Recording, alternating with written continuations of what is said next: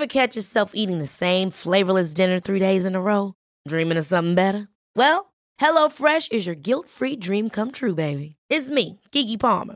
Let's wake up those taste buds with hot, juicy pecan-crusted chicken or garlic butter shrimp scampi. Mm. Hello Fresh. Stop dreaming of all the delicious possibilities and dig in at HelloFresh.com. Let's get this dinner party started.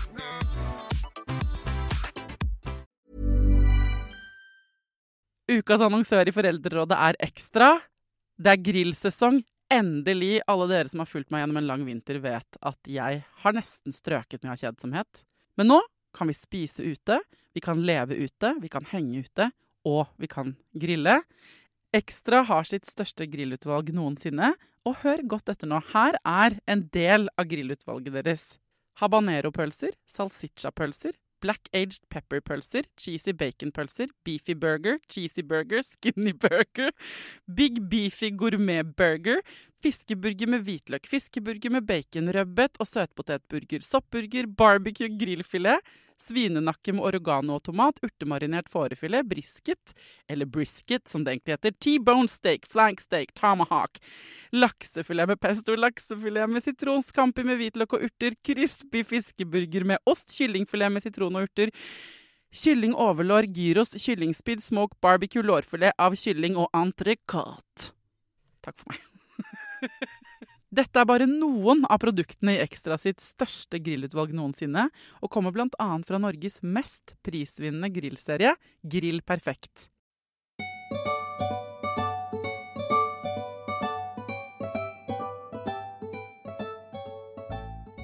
I en bonusfamilie, eh, hvor mye harmoni er det vanlig at det er? Hvor mye krangling er det vanlig at det er mellom de ulike ungene? Hvor mye skal vi tåle, og når er det vi liksom skal gripe inn og tenke dette er ikke greit?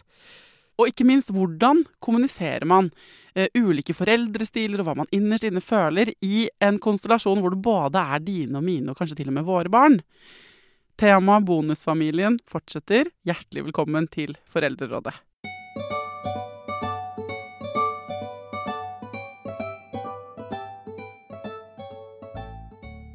Hjertelig velkommen tilbake til Foreldrerådet, Mette Nordmann og Kristin Gisvold. Takk skal du ha. Tusen takk. Familieterapeutene fra Kristiania familievernkontor, som har vært her før og snakket om bonusfamilier.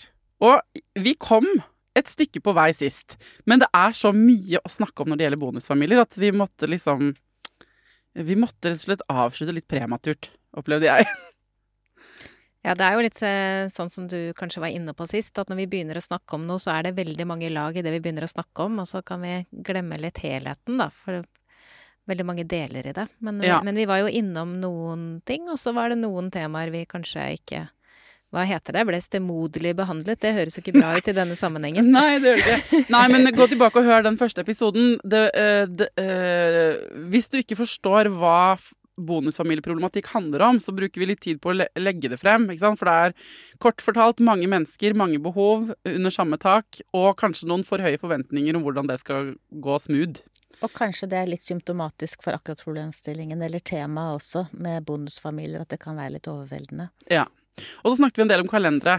Eh, så hvis du ikke er noe glad i kalendere og skulle ønske du ikke trengte å forholde deg til det, men er i en bonusfamilie, spesielt hvis det føl du føler at det treffer deg, da må du høre den episoden.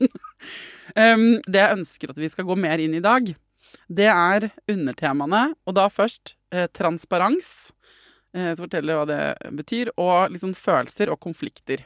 Eh, det er mine overskrifter på det eh, jeg ser at folk sender inn meldinger om, og som vi har vært inne på.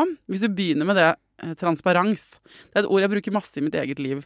Men eh, jeg med det mener jeg sånn tydelighet. Sånn at dere to, for eksempel, eller min kjæreste eller mitt barn, forstår hva jeg mener og vil.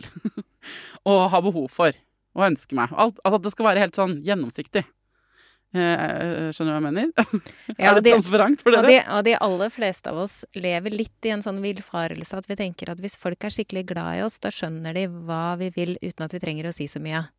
Det inkluderte meg sjøl. At det er litt sånn der at vi tenker at eh, hvis jeg ba Eller eh, kjæresten min burde jo visst at dette var viktig for meg, selv om jeg ikke sa det. Ikke sant? At vi fort kan gå oss vill i noen sånne oppsummeringer. Så det er vel Du er inne på det med transparens, er jo det som jeg ofte kaller undertekst. At vi liksom Viktige budskap sørger vi for å også ha en tekst under, sånn at det ikke levner noe tvil, da. Eller Ja. at det ikke blir så mange misforståelser.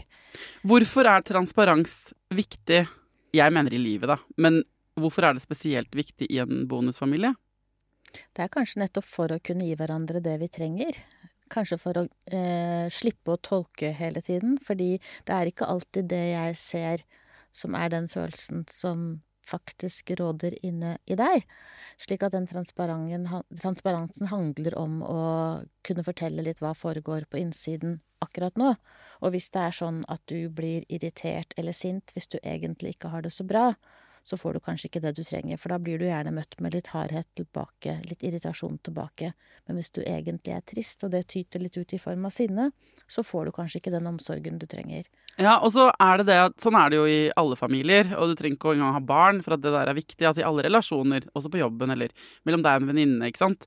Så blir det forvirring hvis den ene antar og hinter, og du ikke forstår hva vedkommende vil, eller det blir misforståelser.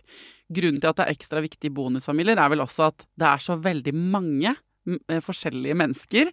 Og så er det det at det som har vært selvfølgelig i den familien som Den originale familien. Fordi man har lagt i seg en sånn kultur. Sånn her gjør vi det sånn hos oss. Her har det alltid vært sånn. Vi kommuniserer sånn. Man lærer seg, ikke sant, når man lever i en familie, å ko- dekode hverandre, kanskje uten å si det høyt. De tingene der kan man ikke bare overføre til en ny familie, for de har levd med kanskje helt, en helt annen kultur. Så hvis den ene familien er sånn Vi sier alltid fra når vi er sinna. Mens i den andre familien er det sånn Vi sier aldri fra når vi er sinna. Vi bare skjønner det uten å si det. Så blir det jo økt konfliktnivå når disse to familiene flytter sammen. Ja, for det er veldig mye sånn taus kunnskap, ikke sant. I, I forskjellige familiekulturer så er det jo alltid veldig mye som ikke blir sagt, men som bare alle vet. Sånn litt sånn implisitt kunnskap, at dette bare vet vi at det er sånn. Jeg husker veldig godt når, eh, når jeg flytta sammen med min mann som hadde tre barn fra før, så var det veldig sånn der, for eksempel når det kom til en bursdag, så visste de akkurat hvordan bursdag skal feires. Ja, Bursdag er jo et Hvordan kjempegodt er eksempel. bursdag morgen? Eller 17. mai? Eller, eh, eller helgefrokost, for den saks skyld. Eller sånn, kunne si sånn Vi pleier å sitte her når vi gjør sånn og sånn, ikke sant? Eller Ja. Han pleier å sove der. Eller at det, var veldig mye sånne utsagn sånn Det pleier å være sånn. Når Ja. sommerferien er sånn, så sitter vi sånn i bilen. Ikke sant? Det er innmari mange ting man har forhandla seg frem til i løpet av mange års liv. Og som man har mer følelse knytta til enn man tror. For at det er først når noen sier sånn Hæ, gjør dere det sånn? Og tenk på juletradisjoner, da. Så Der kan mange kjenne seg igjen, om de bor i bonusfamilier eller ikke. Hvis noen plutselig bare begynner å lage ribba på en annen måte, eller serverer pinnekjøtt eller torsk på julaften, så tenker du sånn Du har aldri tenkt noe særlig over det før du på en måte Noen vil gjøre det annerledes. Og da blir det sånn Så har du litt vanskelig for å forklare av og til hvorfor det er så viktig for deg å gjøre ting på din måte. Jeg må bare innrømme at det er påfallende mange helt sånn ko-ko samtaler Knut og jeg har hatt om de minste ting. For eksempel hvordan gjør vi julekalender? Eller hva Hvor skal barna skrive sine egne kort på bursdagsgavene til de andre barna? For der er én familie vant til at det er ikke noe kort. Altså, barna trenger ikke å skrive kort. Mens en annen familie, der skriver barna kort. Og så blir vi sittende på kveldstid, denne egentiden vi har. Og så er det ikke fordi det er så innmari harde konfliktlinjer, men, men først når man blir presentert for en annen vane, så blir man sånn mm, Men jeg syns faktisk det er litt viktig å skrive de kortene selv, for det Og så handler det om noe større, da. eh, Under overflaten der. Eh, Ja, jeg tror når du sier at det er små koko-ting, det er slett ikke små koko-ting. Det er kjempeviktig.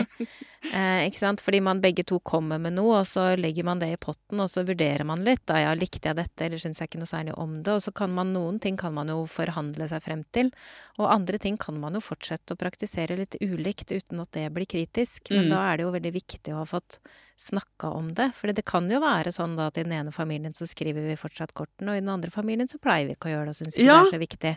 Og det å ikke nødvendigvis bli lei seg eller krenka selv om man ikke fikk det kortet, da, men vite at jeg liker allikevel å skrive mitt kort. Men skal jeg bare si, for å ta det litt eh, jeg, Det høres jo ko-ko ut fra utsiden, på en måte. og Jeg er glad du ikke kaller det ko-ko, at du liksom eh, anerkjenner eh, problemet. Men det kan jo, for når man da blir enige om da, i sånne små tilfeller, og gjør det, da gjør vi det bare sånn som vi har pleid å gjøre det fra før. Altså blir, dere gjør det sånn, og vi gjør det sånn. Så kommer jo barna og ser at de håndterer det ulikt, og da kan man få spørsmål hvorfor må ikke de skrive kort, eller hvorfor må jeg skrive kort, eller Hvorfor sender jeg kortet det, men får ikke det tilbake? Altså, så det er det, det, Men her kommer ja. det jo inn dette her med at, det, at, en ting er å være transparent, men den flerstemtheten som fins i en sånn familie, og den blir enda mer flerstemt når man blir en sånn sammenføyd familie, mm. fordi det er både gamle tradisjoner, og vi har lyst til å forandre på noen ting, og det er for, vi, disse barna har noen ting de pleier å gjøre, og mitt barn har andre ting de pleier å gjøre.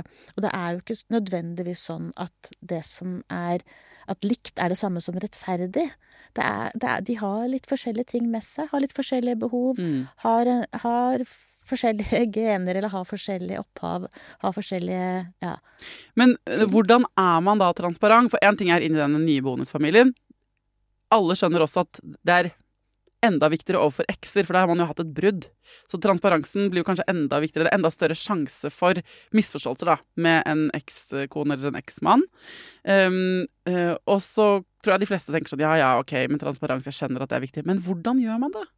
Hvordan ja, for vi kan jo, Hvis vi tar det eksempelet med kalender, da. Så tenker jeg for eksempel hvis det var sånn at i din bonusfamilie så var det sånn at barna fikk en eh, Der, der tenkte man at kalender er nesten viktigere enn julaften. Så der altså julekalenderen? Vi, legger vi oss i Ja, julekalenderen. Legger vi oss i selen og lager en skikkelig fin julekalender. Og der er det en kombinasjon av småting vi har tenkt ut at du trenger, og noen hyggelige ord og sånn i den kalenderen.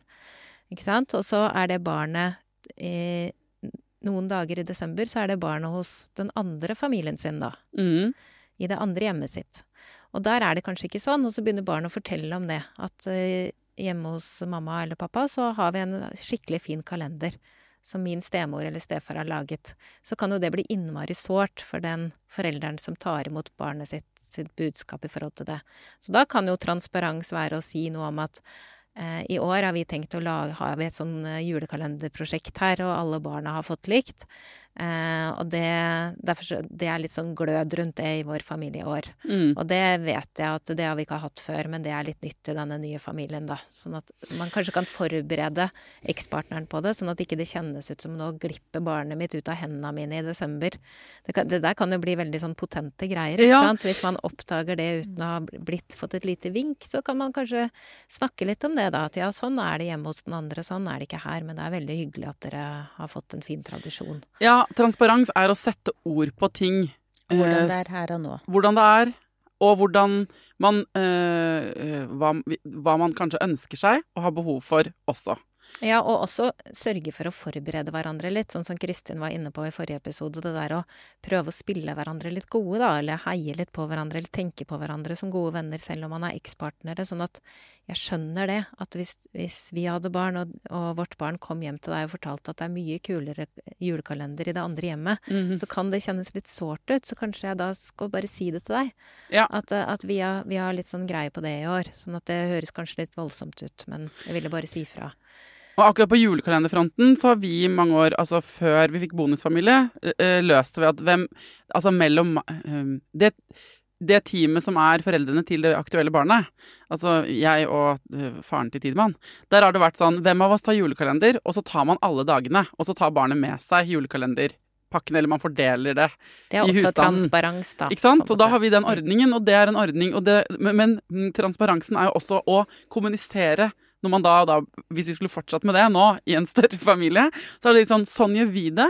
Og det er ikke det samme som det dere gjør her. Og grunnen til at det er sånn, og det er rettferdig for de. Men om det er mellom deg og kjæresten din som har laget den nye bonusfamilien, eller mellom deg og eksen din, eller mellom deg og barna dine, eller mellom deg og bonusbarna dine, eller mellom deg og eksen til den nye partneren din, så er jo transparens og nettopp orke nesten eh, å sette ord på og forklare ting du tenker at folk bare burde forstå. Men det, poenget er vel også at livet er i utvikling, slik at av og til så blir man jo i en bonusfamilie nesten mer konservativ enn man behøver å være, fordi man holder på noen gamle tradisjoner fordi det var sånn vi hadde det. Mm. Sånn at det også å ta inn over seg at livet faktisk er i utvikling, og barna blir eldre, og vi hadde flytta et sted, eller ting var litt annerledes, og ja, at man har behov for å revurdere noen tradisjoner, og at det er en helt normal del av livet, da. Ja, men alle ting er lov til å endre på, men trans transparensen består. Absolutt. Ikke sant? Sånn at øh, Jeg mener jo øh, Dette føler jeg veldig sterkt for, for jeg føler har det sånn her i livet mitt. Så det er lett for meg å heie på dette. Jeg, jeg, jeg har det kanskje som hovedverdi som menneske. At jeg vil at folk skal vite hvor de har meg. Føle seg trygge på at de vet hva jeg tenker. Og det er sånn jeg er fra før, sånn at det er lett for meg å si. Og jeg skjønner hvis folk er uenige, og mystisk har jeg aldri vært, liksom. Men, men jeg kan aldri forstå hva du, Mette, tenker hvis ikke du forteller meg det. Du, du må hjelpe meg til Og hvis du forteller meg det, så er det jeg som er dust hvis ikke jeg hører etter, på en måte. Men hvis ikke du forteller meg det, så, så kan du ikke forvente at jeg forstår deg. Du må fortelle meg det. Men jeg skulle ønske flere hadde det der også inn i, i forholdet til eksen sin. At det å være transparent er ikke å være illojal mot din nye kjæreste, for eksempel. For det er ganske mange som kan blande de tinga der litt. Og det kan være vanskelig. Ja, det kan det. Men det handler om å gjøre livet forutsigbart for alle, også for ungene som er involvert, da. Mm. Vi kommer tilbake til akkurat det der i det, eh, Vi snakker litt om konflikter etterpå. For man kan jo stille seg litt sårbar. Eh, Man kan føle at man stiller seg sårbar ved å være veldig transparent.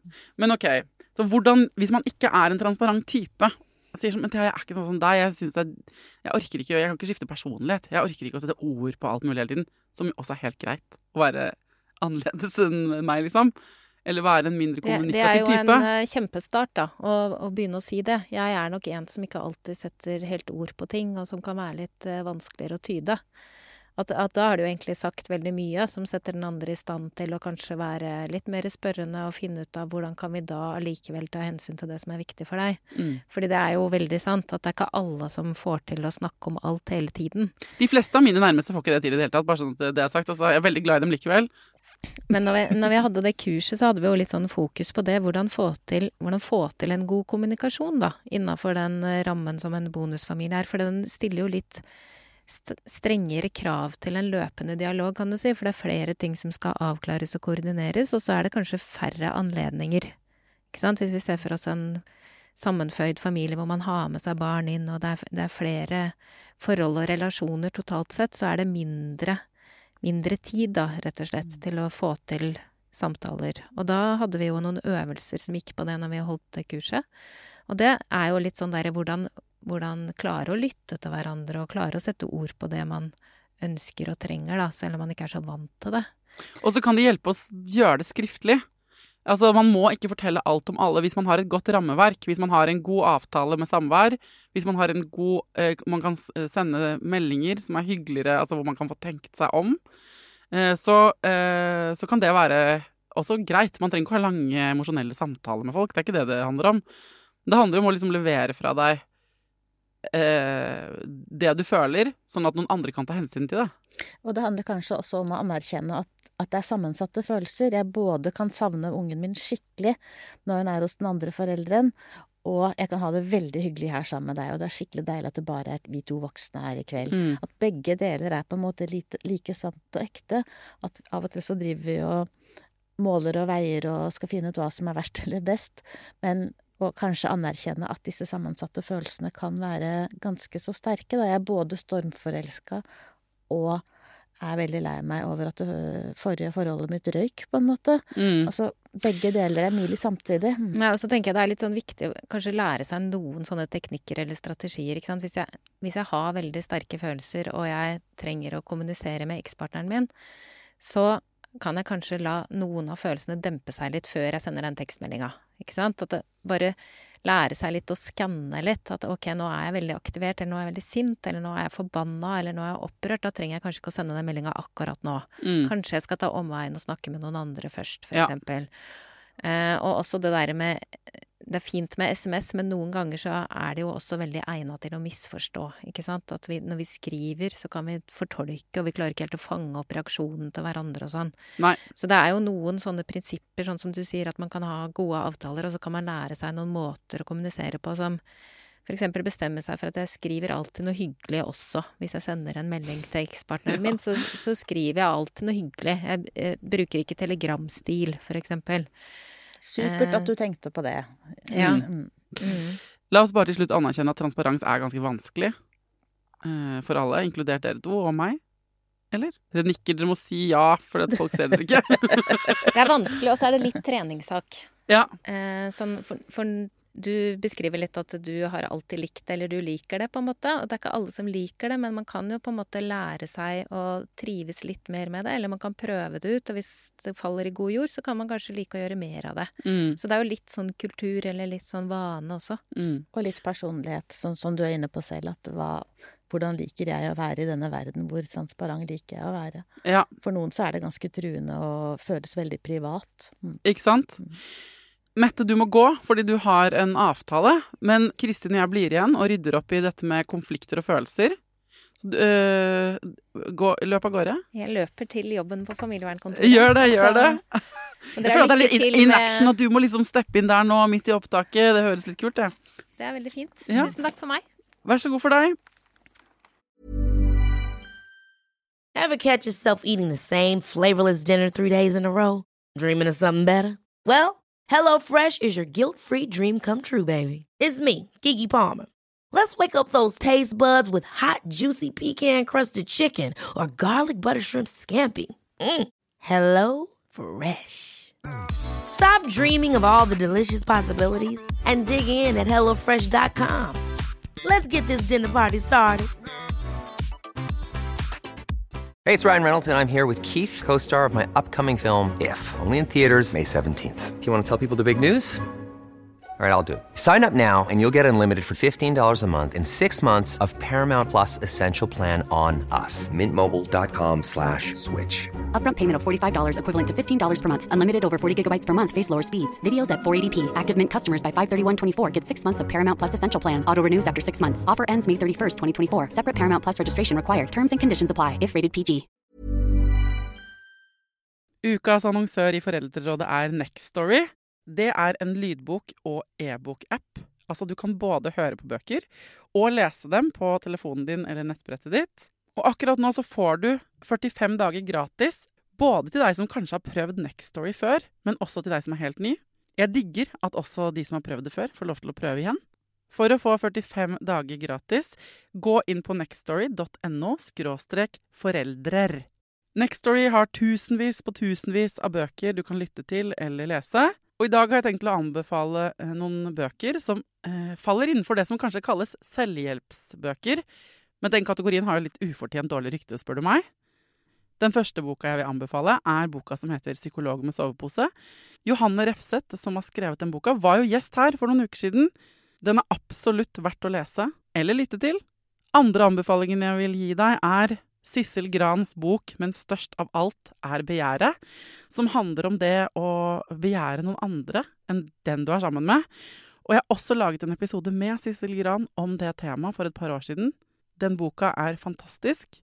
Hvis du har lyst til å prøve ut Nextory for første gang, eller eh, har prøvd ut før, men vil prøve det ut igjen, helt gratis i 45 dager, gå inn på skråstrek foreldrer. Ok, Kristin, da forsvant Mette ut døra, og du og jeg, vi skal gå løs på um, det der med følelser. Kan ikke du beskrive Du har et ark foran deg med um, masse følelser på. Øh, Hvorfor blir det spesielt gjeldende i disse bonusfamiliene, dette med å forstå følelser? Jeg tenker at, at det ligger litt sånn, holdt på å si sakens natur, det der at man opplever faktisk en forelskelse, kanskje på et tidspunkt i livet hvor man enten hadde gitt opp å oppleve det på nytt, eller har levd i et veldig vanskelig forhold veldig lenge, slik at veldig ofte så er det en skikkelig sånn fin ting, da, å oppleve at man treffer noen som man bonder med og ja, er forelska i, rett og slett. Så det er liksom på den ene siden. Og så er hele omverdenen, og det kan være både sorg over tidligere forhold, men det behøver ikke å være det heller. Det kan være vaner man har lagt seg til når man har vært alene lenge. Ja, det er veldig mange ting som kan være på den andre siden. Både det å anerkjenne de skikkelig bra følelsene og bekymringene, storfamilien, følelsen av å være mellom barken og veden, den balansekunsten som veldig mange opplever i en bonusfamilie. At føle at man har enten et skikkelig bra forhold til en bonussønn eller bonusdatter, eller et skikkelig vanskelig forhold til dem. Alt dette her er liksom like vanlig og like sant, da. Slik at det derre å kjenne på alt dette samtidig, det tror jeg kanskje er noe av det som kjennetegner bonusfamiliene i enda større grad enn de der opprinnelige familiene, da. Ja, at det er mer eh, kaotisk. Litt mer kaotisk, og kanskje også litt sånn sterkere følelser i sving. For det er liksom det derre Er du ikke like glad i barnet mitt som i ditt eget? Altså, man kan stille tvil om noen Mm. ting. Trumfe kjærligheten ditt til eget barn. Kjærligheten til meg. Eh, Hvor viktig er jeg egentlig? Hvor forplikta er du på meg? Eh, Ja, det er både kjærlighet og entusiasme og frykt og engstelse Ja, ja. samtidig. Og er det noe jeg har lært eh, når jeg selv har gått i terapi, så er det at blandede følelser, det er en eksplosiv cocktail for mange av oss. Men hvis- man må anerkjenne at de er der. Ja, ja. Mm. Og det er bare det at Og det er helt sagt uten noe sånn Det er bare at for oss alle sammen, så er det sant, å bare kjenne på ren glede ganske lett. Mm. Og ba, I hvert fall lettere enn å kjenne på glede og sinne, eller eh, irritasjon og forelskelse samtidig. Alt, hvor, hvor på en måte eh, gode og vonde følelser, når de er blandet, så blir de fleste av oss liksom fortere aktivert. Og det kan føles nesten som man rives og slites litt innvendig. Man kan bli sånn sliten av det, bare. Absolutt, men tenk på det Jeg tenker av og til som et stort sånt symfoniorkester. At nå hører vi litt på den der sprudlende fløyta som representerer forelskelsen og sexlysten og alle de bra tingene, på en måte. Og så kan vi høre på paukene som eh, er eh, frykten for at eksen kommer og spolerer denne ferien. Og så kan man høre på fiolinene som står kanskje for stabiliteten eller for eh, Ja. de gode hverdagsvanene og ja. Men det er, det er et større orkester på en måte på en gang. Abs, det er jo hele symfoniorkesteret, og det er veldig mange satser i en sånn lang symfoni. Så hvis du er liksom litt uti der, så kan du bli litt lei, da. Ja. Ja. Mm. Der hvor kanskje livet uten bonusfamilie, da, eller før du Altså livet liksom, Hvis alle tenker tilbake på da du var singel og ikke hadde barn, eller da du var sammen med din partner før dere fikk barn. Ikke sant? Det, det, eh, da er, vi tenker ofte tilbake på det som enklere, fordi det var færre folk og følelser kanskje i sving. Kanskje var det komplisert nok da. Det, det kan ha, de fleste sikkert kjenne seg igjen i. Um, men så eh, bygger det på seg, dette orkesteret, og så blir det flere og flere ting underveis. Um, så mm, det var litt, er litt deilig at du setter ord på at det er vanlig i bonusfamilier å kjenne på mange følelser på en gang. Og så er det også dette med forelskelse og kjærlighet, som jeg tenker er et tema for nesten alle, da. Eh, når den forelskelsen forsvinner fra bonusparet, kalles det det? Det nye paret, da, som ikke er så nytt lenger, kanskje. Så er det liksom noe med å ha utholdenhet til å komme over på neste level som heter kjærlighet, da. Mm. Uh, og at det det sier jo dessverre statistikken, at det er vanligere med brudd i andregangsforhold, ikke sant? Ja. Slik at, og det sier jo litt om slitasjen disse familiene lever med. At det er vanskeligere å eh, At mange kan oppleve at det blir for mye jobb, da. Og jeg hører også det Jeg er litt opptatt av språk. Jeg hører veldig mange snakke om det som sånn AS eller noe sånt noe. At det blir Familien AS, ja. Ja, at det Mm. blir veldig mye Logistikk. ja, logistikk, og at den ene er sjefen, og den andre er underordna, eller det er ja, kabal, tidskabal, kalender, avtale. Jeg skulle ønske det ikke var sånn, ord som er arbeidslivsrelatert, da. Som Ja. ikke Så det der å velge litt mer ord å snakke om det på som appellerer mer til eh, familieliv og Ja, men vet du hva, det er også noe deilig med å kalle en spade for en spade. Absolutt. må jeg si, For det er dessverre sånn at det er litt sånn. Mm. Men jeg skjønner hva du mener. Men, Mm. men jeg tror liksom det å mm, kalle det for romantiske ord hadde ikke hjulpet meg, på en måte, når det først føles som en, et AS. Men, men eh, følelsene av eh, nærhet, da, for eksempel. Ja. Det er jo det det er. Eller følelse av avstand. Og kanskje kunne si noe om det. Ja, Istedenfor å si at eh, du er sjefen, på en måte. Mm. ja, det er jeg enig i. Mm. Det var en som sa til meg at når man får barn med sin første partner, på en måte, eller den man får barn med først, da, dette mm, grunnleggende parforholdet, på en måte, så har man jo noen år gjerne eh, til å være sammen bare i paret før man får det barnet. Og det er det fundamentet man på en måte høster av når man har fått barn, ikke sant. De der første årene med forelskelse, man, da tåler man liksom våkenettene og alt det der. Mens når man stifter en bonusfamilie, så starter man på en måte med Man har ikke det derre fundamentet i bånn. Man har ikke de to årene uten noen unger, eller hva det er. Og derfor så tror jeg at det å starte litt sakte, det å få lov til å være forelska en stund før man flytter sammen og har den andres grinete unger og sånt nå, det kan jo være en god måte å gjøre det på. Ja, Så du anbefaler litt å, å, å ikke flytte med sammen med en gang? Ja, det gjør jeg nesten alltid. Bruke god tid, få lov til å være forelska en stund, få lov til å savne hverandre og glede seg til å se hverandre og sånt noe. Fordi det skulle rett inn i den hverdagskabalen med dine og mine barn, det tenker jeg er en ganske stor prøvelse for et parforhold, og mister noe av den magien som du viser til, da, Mm. som, som er veldig fin å ha i bånd, og som handler om å ikke bare føle at Apropos forpliktelse, ikke bare føle forpliktelse med en gang. Mm. At ikke jeg bare skal være en veldig bra stemamma for uh, noen barn, men jeg skal faktisk bare få lov til å være en kjæreste for deg. Ja. Mm. Eller kjenne at du er kjæresten min. Mm. Um, ok, så uh, det, er mange, det er vanlig at det er mange følelser i sving på én gang, og det kan være litt kakafonisk og slitsomt å kjenne på dem. Men eh, trikset er å liksom prøve å sette ord på dem, og tåle dem, da, eller? Hva skal man gjøre? Tåle dem, og, og kanskje klare å eh, ikke bry seg så mye om alle andre rundt, men å kjenne at vi, vi må gjøre dette på vår måte. Sånn som vi snakket om i forrige episode, at dette har ikke veldig mange generasjoner før oss gått opp. Jeg skal få lov til å være den jeg har lyst til å være. Eh, og det må vi to finne ut av sammen. Eh, ja. Mm. Og kanskje vi må ta med barna på litt råd, eller kanskje vi må høre litt med barna. Det spørs jo på alder på barna. Men det kan Det er også litt forskjell på å komme inn med de yngste barna og de eldste barna. For noen så kan det være lettere å komme inn som st- steforeldre eller bonusforeldre til yngre barn enn det du har selv.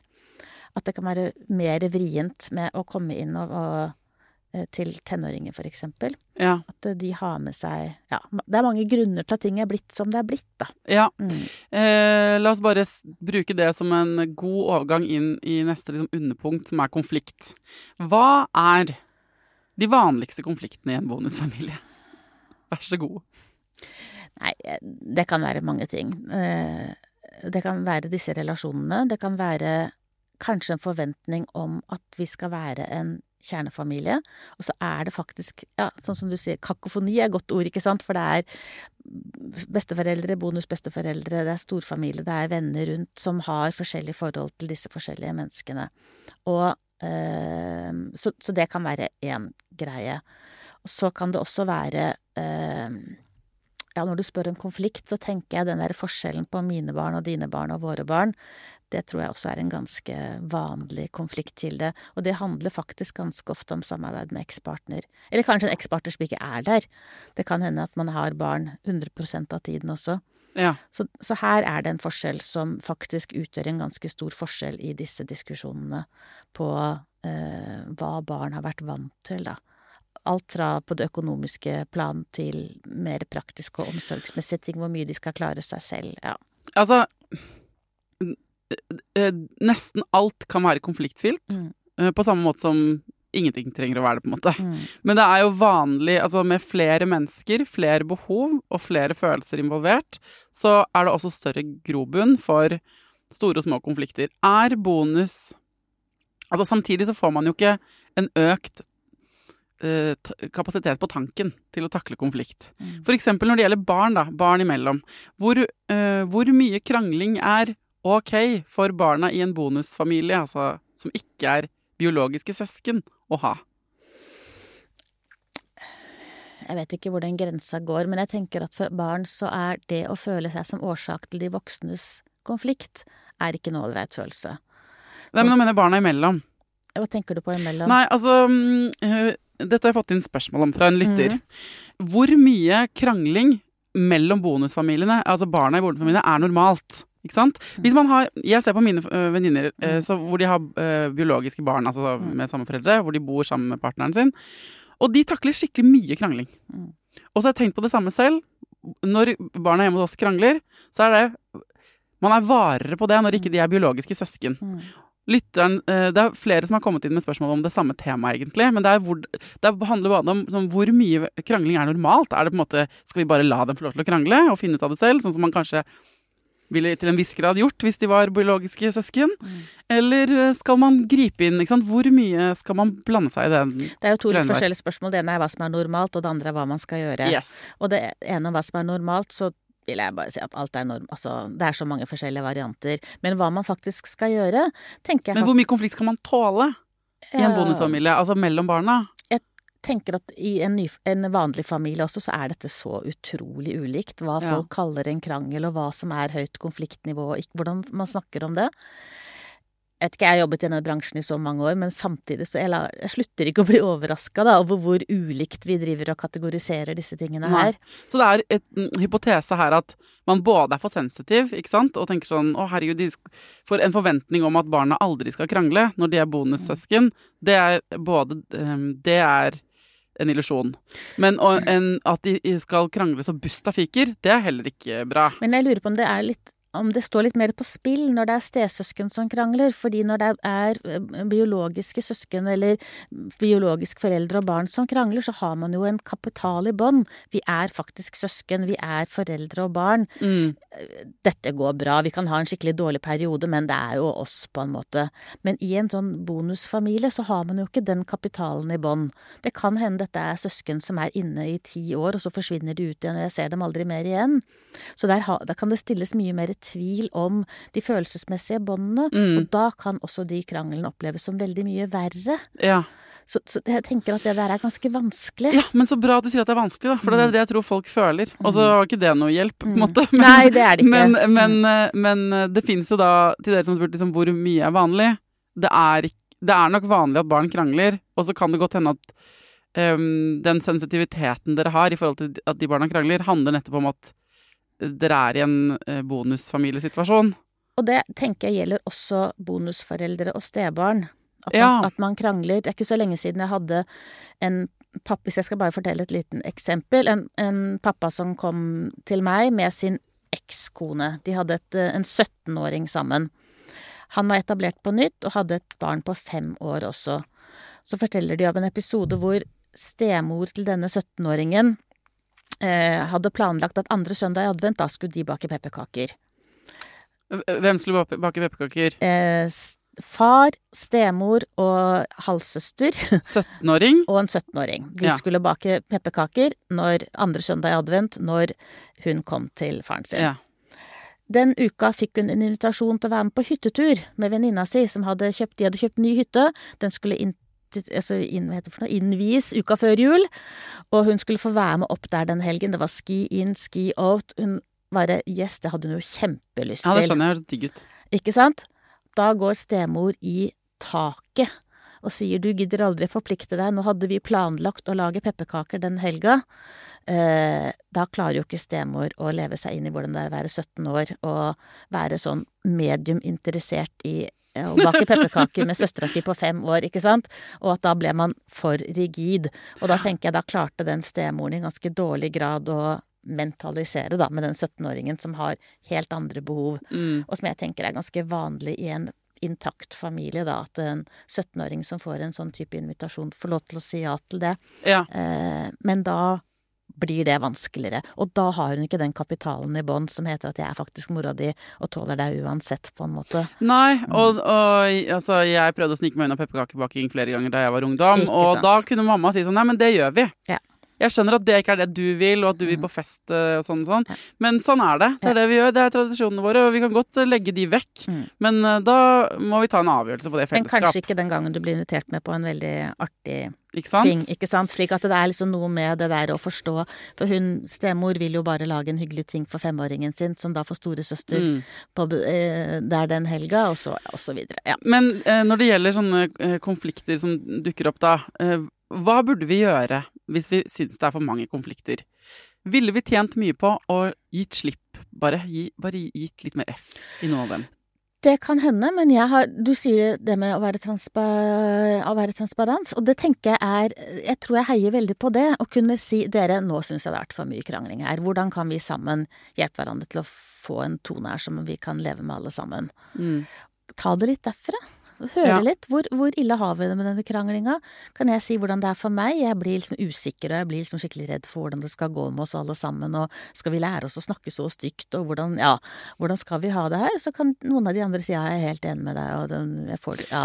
Eller så kan Ja. de si men nei, det er da ikke så farlig, og vi må tåle at det går en kule varmt. Men jeg tenker også mellom ekser, da. Ikke sant? Hvor, eh, min erfaring, da Nå har jo jeg bare eh, Altså, jeg, jeg har jo bare min egen erfaring. Men det er jo eh, Jeg har jo lært at Og dette her er irriterende å høre for dere som har vanskelige ekser eller står i konflikter. Men det er nå engang sånn at raushet varer lengst. altså, og det å eh, komme på at med eh, sin eks og den man har barn med fra før, det er et livslangt samarbeid ikke sant? til barnet er voksent. Og, og, det å være den som løfter blikket. Og nå jeg, er jeg heldig og har, vi har et godt forhold, men det har jo ikke vært uproblematisk. Og jeg tror det er kjempeviktig det du sier, og det er derfor vi prøver å selge inn den ideen om å være hverandres sånn livsvenner, da, når man går fra hverandre, fordi det trenger man virkelig. Ikke mm. sant? Det der å ha et konfliktfylt forhold til en eks, det er dårlig for egen psykisk helse òg, rett og slett. Men, man, men, ja, mm. men det er også dårlig for psykisk helse å gi helt etter, ikke det sant? Det også. Så det er en balansegang her som er vanskelig, og det samme er rausheten til din nåværende partners eks. Og og egentlig til de, de, to, altså hvordan de snakker med hverandre. Kanskje er det en helt, for deg, en veldig irriterende måte de snakker med hverandre på. Mm. Eller til din eh, nåværende kjæreste. Ikke sant? Å være raus er på en måte eh, Jeg mener at hvis man skal lykkes, så tror jeg at jo rausere du er som menneske, jo større suksessrate har du i relasjonene dine. Jeg er helt enig med deg. Ja. Og jeg tenker at det er eh, Kanskje mange skulle sett litt mer på akkurat disse mm. tinga her, da. Mm. Ok, mm. jeg skal prøve å oppsummere. Det er så mye å snakke om. Det er det. Jeg føler ikke at vi er ferdige enda. Jeg skulle gjerne snakket om det mye mer. La oss bare legge det der at vi slipper ikke dette temaet. Um, hvis du som hører på har Eh, andre gjester du har. ikke sant? Du følger en eller annen på Instagram, du sier, sier, noe veldig klokt, eller du kjenner en parterapeut, eller du, det er et annet kurs på et annet familievernkontor, eller du har spørsmål til Kristin eller Mette. Eh, så bare Vi slipper ikke denne ballen, selv om vi avslutter denne episoden. Eh, det er masse å snakke om her. For å oppsummere det vi på en måte blir enige om i dag, eller det jeg lærte i dag av dere to, altså Mette som har gått, og deg, Kristin, så er det det at Transparens über alles. Det er et eh, veldig viktig verktøy for å gjøre deg forstått. Og dermed blir det veldig viktig i en bonusfamilie med så mange mennesker. Eh, når det gjelder følelser, ja, det er mer kakafonisk i en bonusfamilie, kanskje. Fordi det er flere mennesker og flere relasjoner, og det er brutte bånd og nyetablerte bånd og kjærlighet og frustrasjon om hverandre. Og sorg. Og sorg. Mm. Så hvis du føler på overveldelse, then you're doing it right. Så må du heller uh, uh, finne ut av hvordan du skal deale med den overveldelsen. Men det, uh, men det, betyr ikke at du gjør det feil. Det at du kjenner på mange ting på en gang. Og når det gjelder konflikter, konflikter det er veldig vanskelig og veldig slitsomt. Og også en del av livet, føler jeg at Kristin sier. Og kanskje litt forfriskende av og til også. Ja. Så raushet er lurt, og så kan du jo bruke det transparenstrikset, men utover det så må vi nesten bare fortsette å grave. Og send gjerne helt sånn konkrete konflikter. Hvis du sitter i en situasjon nå med en vanskelig diskusjon med et eller annet, så eh, send det til meg, da. Så kan jeg eh, spørre helt konkret og grave til f.eks. Mette og Kristin har gitt deg et konkret svar. Som av og til er litt utfordrende å få til, men jeg skal prøve. Mm. Takk for at du kom, eh, Kristin. Takk for at du tar opp temaet. Takk for at jeg fikk komme.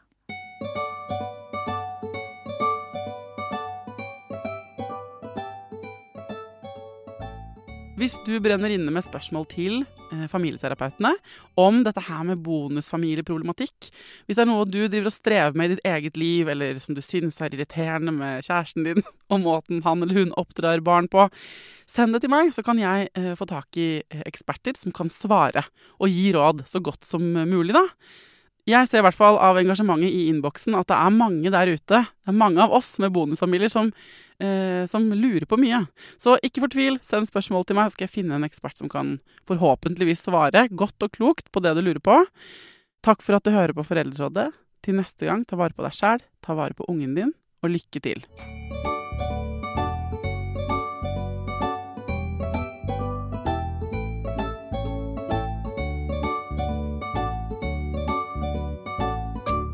Produsert av Klinge.